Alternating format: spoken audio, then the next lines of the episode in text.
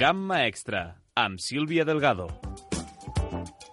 Avui acomiadem la temporada de la Penedesfera, aquesta secció veterana del Gamma Extra que ens presenta els bloguers i els blogs del Penedès amb una calafallenca, la Magda Minguet, i un parell dels seus blogs, magdaminguet.cat, i també el blog 5 homes a casa, que publica el criatures.cat. Tot això ens ho explica en Daniel García Peris, l'anfitrió i coordinador d'aquestes trobades. Bon dia, benvingut. Bon dia, Sílvia. Penso que és una bona ocasió, no?, acabar la temporada doncs, amb aquests bons consells que ens portava la Magda. Bon dia, Magda. Hola, bon dia. Benvinguda. Moltes gràcies. La Magda escriu, però també fa ràdio i li agrada molt comunicar, o sigui que estàs a casa. Benvinguda. Em sento com a casa, gràcies per l'acollida i per convidar-me. Et defineixes com una apassionada de la comunicació. Sí, perquè em dedico a ensenyar, sóc mestra a Camp Joliu, i després també sóc periodista i a vegades em diuen que les dues coses són molt diferents i sempre dic que és el mateix, que és explicar coses de la millor manera possible. És a dir, siguis periodista o siguis professor a l'aula, al final el que vols és fer arribar el missatge del millor que saps i el millor que pots. Per tant, són feines molt semblants i també m'agrada molt escriure i per això vaig obrir un blog. Quines assignatures imparteixes a Camp Joliu? Jo sóc de socials, sóc profe d'història. És a dir, que havia estudiat història i després periodisme. Soc profe de socials, però també faig moltes coses de comunicació a l'escola, porto les xarxes socials, també tenim un blog a l'escola que també l'escric jo, o sigui que també estem una mica en aquest tema d'estar de, de presents a, online i en el món 2.0.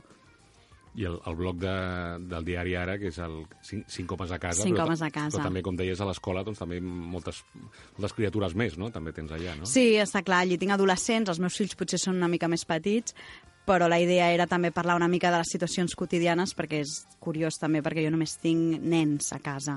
Per això es diu cinc homes a casa perquè tinc quatre fills, tots ells nois, més el meu marit. Estic una mica en minoria i em trobava moltes situacions doncs, gracioses del dia a dia o de situacions d'escola, d'educació, els reptes de la vida ordinària i vaig decidir fer el blog sobre, sobre aquest tema, que és el que cada dia comparteixo. Primer és magdaminguet.cat. Sí, primer vaig fer magdaminguet.cat perquè saps què passa? Que escrivia com coses a tot arreu. I aleshores vaig dir, bueno, faré un espai que jo guardi totes les coses que vaig fent. És a dir, que si sortia alguna cosa publicada o, no sé, els, les entrevistes que feia a la ràdio, tinc un programa a Ràdio Estel que, que també parlem d'educació, de família, de parella, i dic, intentaré tenir-ho tot ordenat en un lloc perquè si després doncs, això ja no estic a la ràdio, ja no estic al diari ara, doncs tots els textos quedin recopilats a magdaminguet.cat. Tot i així no sóc gaire constant i no ho tinc gaire endreçat. Eh? A vegades he publicat més coses i no les actualitzo en el moment, però intento tenir-ho al dia i que totes les coses que vaig fent de comunicació doncs, estiguin recollides a, a magdaminguet.cat, que hi fico els articles de criatures i altres articles que vaig escrivint. I entrar al, a fer el blog al diari Ara, com, com va sorgir? Doncs cada any busquen nous blogs, és a dir que, clar, suposo que també, no ho sé eh, com deu anar, però molts dels que tenen fills, es, els fills es fan grans i entrem els que tenim els fills petits doncs, per trobar-nos en situacions de totes les edats. Aleshores feien com una selecció, vaig enviar uns textos i em van donar l'espai i m'agrada molt escriure i perquè a més ens donen total llibertat, tant en la temàtica, pots parlar tant l'últim article que havia escrit, que està molt adequat ara que s'acaba el curs, és el dels regals dels professors, els regals dels mestres, tota la moguda que hi ha als grups de WhatsApp, de quin regal hem de fer, si ha de ser emotiu, si ha de ser una experiència encapçada, doncs sempre faig els temes que em venen de gust i que a vegades poden trobar-s'hi tots una mica identificats, perquè són temes d'actualitat, no? Ja veieu, ara acaba el curs escolar i moltes famílies s'hi hauran trobat amb aquest tema del regal. Per tant, em deixen llibertat d'escriure una mica del que em sembla i també m'agrada molt que no ens donen doncs allò, l'obligació d'escriure un cop al mes o un cop a la setmana, sinó que ens donen també llibertat total per conciliar-ho amb la vida. Hi ha moments que pots escriure més, moments que pots escriure menys i mai ens apreten d'has d'escriure, has d'actualitzar. És a dir, que això m'agrada molt, eh? tenir aquest marge de, de llibertat d'escriure quan realment en tinc ganes. És curiós perquè una mica la norma, Daniel, és que s'ha de ser constant, no? que és millor que els que et segueixen coneguin la teva periodicitat, i la Magda és molt lliure en aquest sentit. Sí, aviam, sempre hi ha unes recomanacions, eh, la típica, no? Eh, Sí. Ser molt metòdic, escriure també amb, amb, amb, amb, amb molta passió, però això sí que ho has demostrat, que de passió molta, i el tema de- d'escriure de, amb una certa periodicitat, bueno, també és una conseqüència de, de, del que és el, totes les persones doncs, que tenen fills petits, doncs, que troben el temps quan, quan el troben, no? Sí. I, I potser també és un, un reflex de, de l'audiència que tens, no? que són, evidentment, pares i mares que estan interessats. No? També veig que és diferent quan és un bloc d'empresa, o sigui, si allí t'hi va el pa, doncs suposo que sí que hauràs de ser més constant perquè necessites generar un contingut per tenir la teva clientela fidelitzada, si és una cosa més professional, però en el nostre cas, que són blocs personals absolutament, sí que ens deixen una mica més de marge d'escriure quan realment tenim alguna cosa a dir.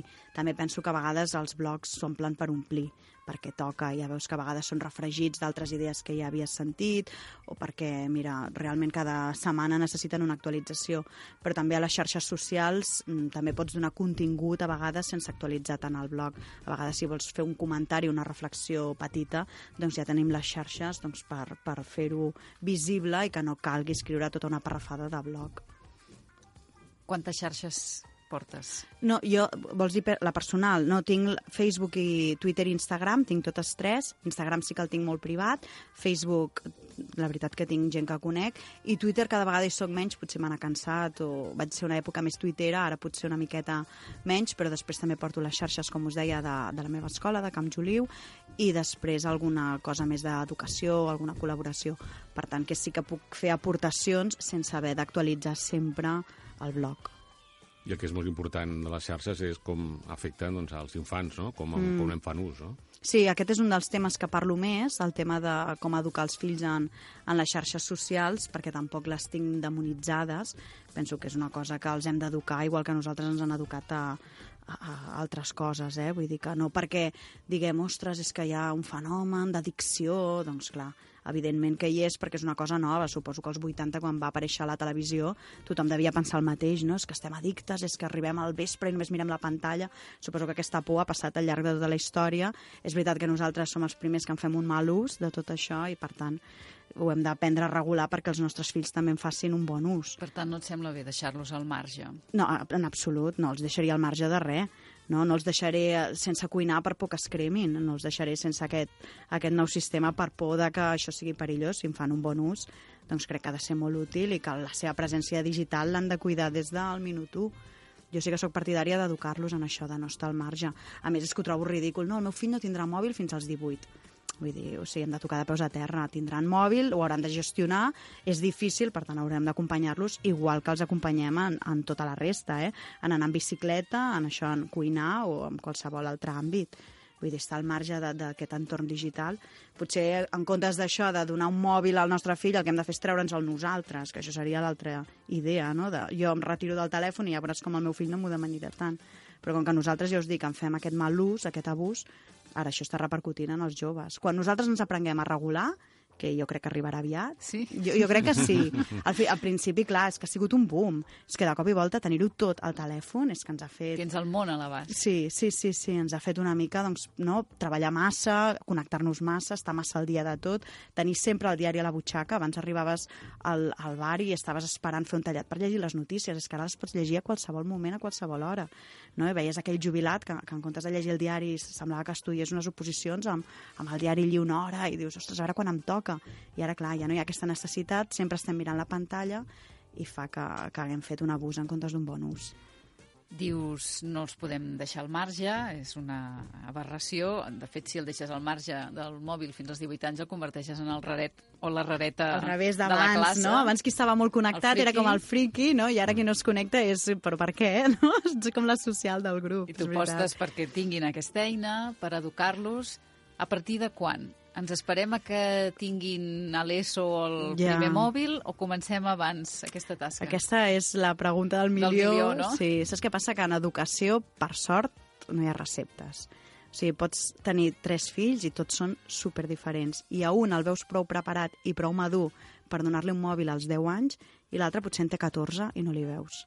O sigui que, clar, les, o sigui, ojalà eh, tinguéssim la fórmula, si li dones a primer d'ESO et funcionarà perfecte i no quedarà dicta i en farà un bon ús, però és que no hi és aquesta fórmula. És que has de veure el teu fill i la seva maduresa. No? Hi ha nens que van sols de seguida a comprar el pa perquè ja els veus prou responsables i hi ha fills que no els hi deixaries 10 euros mai de la vida perquè dius que no tornarà fins a les 10 de la nit ho has de veure amb cada, amb cada fill. Jo sí que penso que si és responsable, si se n'ha parlat a casa, o sigui, que, que pot tenir-ho sense esperar a l'ESO, potser sisè de primària ja el veus a punt. Vull dir que ho has de veure segons el, segons el fill, eh? Jo us dic, jo, jo en tinc quatre, he fet el mateix amb tots i tots m'han sortit diferents. O sigui que, clar, no? He fet la mateixa estratègia, amb alguns m'ha funcionat, amb alguns no, amb alguns he hagut de canviar. Tinc un que és el gran, que potser és menys madur que el segon, vull dir que s'ha d'anar veient això. I a les aules, què veus? A les aules nosaltres, a, a Camp Juliu almenys, no en deixem de telèfons. O sigui que ja està bé també que de 9 a 5 mm, hi hagi una mica de detox digital. Però el deuen tenir la motxilla, Suposo no? que sí, però intentem que no el treguin. Sí, sí, amb això ja m'ho penso, eh? I per l'autocar i per arribar a casa, però intentem afavorir que hi hagi converses que gaudeixin de l'hora del pati, que estiguin una mica desconnectats de, de la vida virtual i que a l'hora de l'escola estiguin a l'escola. És que si no, si els hi deixes... Diuen, no, a l'aula no, però al pati sí, però veus les hores del pati, és que està tothom mirant la pantalla. Vull dir que si nosaltres no afavorim aquests espais de una miqueta, no? de 9 a 5, tampoc ho veig tan exagerat, sense telèfons i que puguin estar doncs, per les amigues o per la feina o per que sigui, malament anem, eh? Perquè un problema és el, el temps que s'hi dedica doncs, a estar connectat. Sí, i que també, és molt, eh? I també la, els continguts que, que pot ser que, que s'estiguin movent, no? I, i més a aquestes edats. Sí, sí, sí. I a més a més, o poden fer ús de xarxes socials, o tenir un xat, o quedar amb algú després.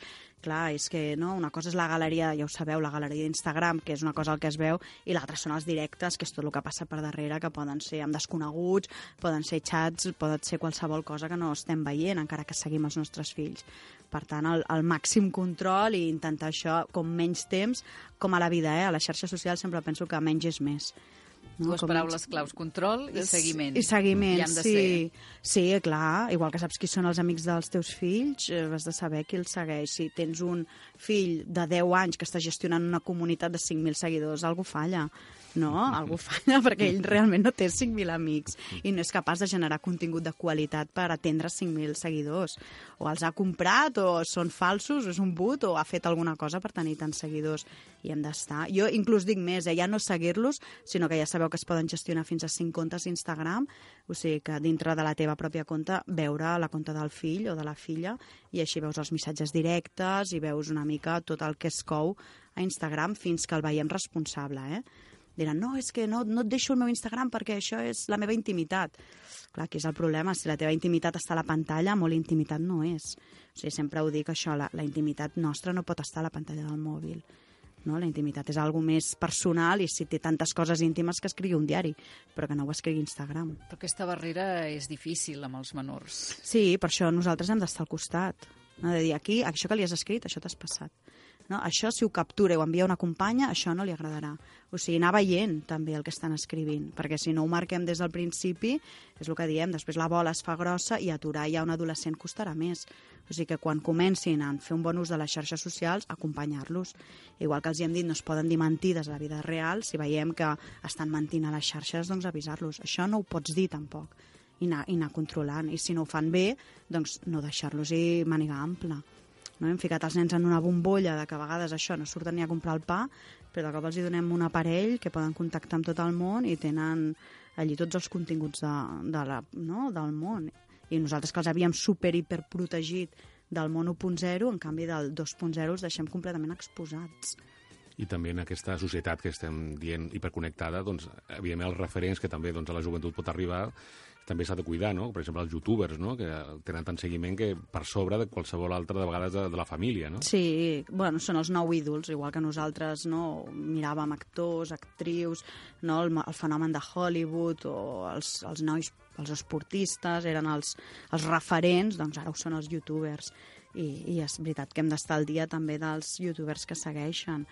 Sobretot les noies adolescents són youtubers molt de moda, molt de tendències, que ens presenten una vida idíl·lica d'hotels, viatges, roba, que, clar, hem de fer veure que això no es correspon a la realitat. Que està bé que ho mirin, que està bé que estiguin al dia de la moda, per exemple, però que, clar, això és una cosa puntual d'una noia que, que li ha anat bé, però que segurament la nostra vida d'influencers no seria igual. Vull dir que és com els futbolistes, no? que a tu molt el futbol, no vol dir que el dia de demà siguis Messi. Que a tu t'agradi molt Instagram no vol dir que el dia de demà siguis la Dulceida. O sigui que això també hem d'estar, no? fer-los tocar de peus a terra, que això passa de cada X, un es fa famós i els altres doncs, es queden un hobby o es queden una afició. La Magda Minguet escriu sobre educació, família, comunicació... Quins altres tòpics són constants en els teus escrits? La família molt i la família en positiu també. Què vol dir la família en positiu? Perquè, clar, a mi quan dic que tinc quatre fills, tothom em diu, "Uf, quina Tothom es feinada. porta les mans al cap, sí, no? ni- ningú veu que, que té coses bones. O sigui, sempre s'associa a maternitat, a anem superplens, no tenim temps de res, no? A sobre, quan encara surts a sopar amb amigues, ets mala madre, aquest fenomen d'aquestes blogueres que, no? com que faig truita de patates fatal, sóc mala madre, que és una bestiesa. Culpabilitat, no? Sí, vull dir, no, no faig truita de patates i sóc bona mare igual. No? Vull dir que les mares d'avui són molt diferents, perquè nosaltres no tenim la criança pensada com un 100% de la nostra vida. Com que fem altres coses molt ben fetes, com les nostres carreres, per tant la truita ens surt una mica més imperfecta perquè no arribem a tot. És una nova generació de mares, sempre dic, i sense sentiment de culpa. I a vegades això, no hem arribat a tot i no passa res. No anem a festes d'aniversari, no, per això no som mares dolentes, al contrari. I també això, i penso que a vegades tenir fills es veu sempre com una cosa, com, com una càrrega, una cosa molt feixuga, i bueno, a vegades veig gent sense fills que està igual d'agobiat. O sí, sí o no? Vull dir, veig gent amunt que també estan, que es tiren dels cabells. O sigui que això no crec que sigui el nombre de fills. I intento això reflectir-ho amb humor, en to positiu, de que també ens ho passem bé les famílies, que també anem de vacances i que també som gent normal, no sé. no, no sé com ho veieu, però és veritat que la família, tots els blogs, és com, a vegades, quin desastre, no? I missatges molt apocalíptics. I, bueno, un, blog en positiu i amb sentit de l'humor, que és el que necessites, eh? A vegades, per encarar una família gran, doncs és la, la idea que, que és de cinc homes a casa. Tot el que publiquis, tot el que facis, ho trobarem a magdaminguet.cat. Sí, si ho actualitzo, Segueix sent sí. aquest calaix de sastre que ho recull tot. Sí, sí, sí, el que fa... ara l'estiu, ara que arriba, ja m'hi ficaré seriosament, ara tindré més temps, però sí, perquè també parlo de llibres que he llegit i que m'han agradat, o si he anat a algun espectacle amb els nens i que penso que, que el puc recomanar, ho fico, o a vegades viatges amb els nens, que a vegades viatjar amb crios és més difícil per trobar el restaurant o per trobar un hotel, i doncs, un dels articles que és Menorca amb nens és un dels que més es va compartir també perquè són consells per sortir a vegades amb nens i no gastar massa i també ajuden molt altres famílies. O sigui que parlo molt de, del meu dia a dia. Parla'ns també una mica de, de la teva faceta de community manager a, a l'escola Camp Juliu. Quines xarxes teniu? Quins Ah, ho feu a- del blog? A Camp Juliu tenim tot, també. I a més a nosaltres ens encanta també la comunicació. O sigui que si no ho seguiu us ho recomano perquè els continguts també són molt xulos, perquè són fotos de bastanta qualitat, a més tenim un entorn privilegiat, estem envoltats de vinyes, l'escola doncs, permet doncs, una galeria d'Instagram, per exemple, molt cuidada, amb imatges del nostre dia a dia, dels projectes que s'hi fan, si tenim gent convidada. Llavors tenim una galeria d'Instagram que es diu Camp Juliu, un Twitter també que es diu Camp Juliu, i el Facebook, que és potser la nostra xarxa estrella, perquè les nostres famílies potser són més facebookeres encara. No? Els nostres alumnes ja són instagramers, però les famílies potser Sí, no, encara els- són els més, més de joves ja gairebé ho Ja donen per- per mort, però, ho- Facebook, Però ho ja. trobo normal, perquè Facebook ja ma mare. Vull dir, una, una xarxa on, no? on, on està la meva mare no pot estar-hi un adolescent perquè és un perfil completament diferent. Vull dir que ja, ja es veu que és una altra cosa. Però les famílies a, a Camp Juliu són molt de Facebook i allí és on tenim la xarxa estrella i després això un Twitter que es diu arroba Camp Juliu i l'Instagram arroba Camp Juliu. I el blog es diu Estil Camp Juliu i al blog el que m'agrada és que també aprofitem molt perquè escriguin els alumnes. Igual que la pàgina web potser és més institucional, amb la informació que busquen les famílies noves, el blog sí que és un espai més lliure on els alumnes que han fet algun projecte o han fet alguna experiència o els agrada escriure, doncs m'ho passen i ho pengem i així hi ha continguts escrits per als alumnes perquè vagin forjant també la seva identitat digital. El dia de demà també podran dir, doncs jo escrivia al blog de la meva escola, no? jo he començat a escriure articles i estan publicats en aquest blog que era del meu, del meu centre escolar. Doncs això ens agrada molt, eh? que ells tinguin també un espai per poder dir la seva i si els agrada escriure, al final és això, eh? la feina dels mestres, llegir i escriure. Els de mates ara em maten, però jo sempre llegir i escriure és la clau de tot. Identitat digital, Mm, bon concepte. sí, No l'hem incorporat massa encara. Doncs s'ha de fer, eh? perquè als Estats Units ja ho fiquen, eh? els currículums.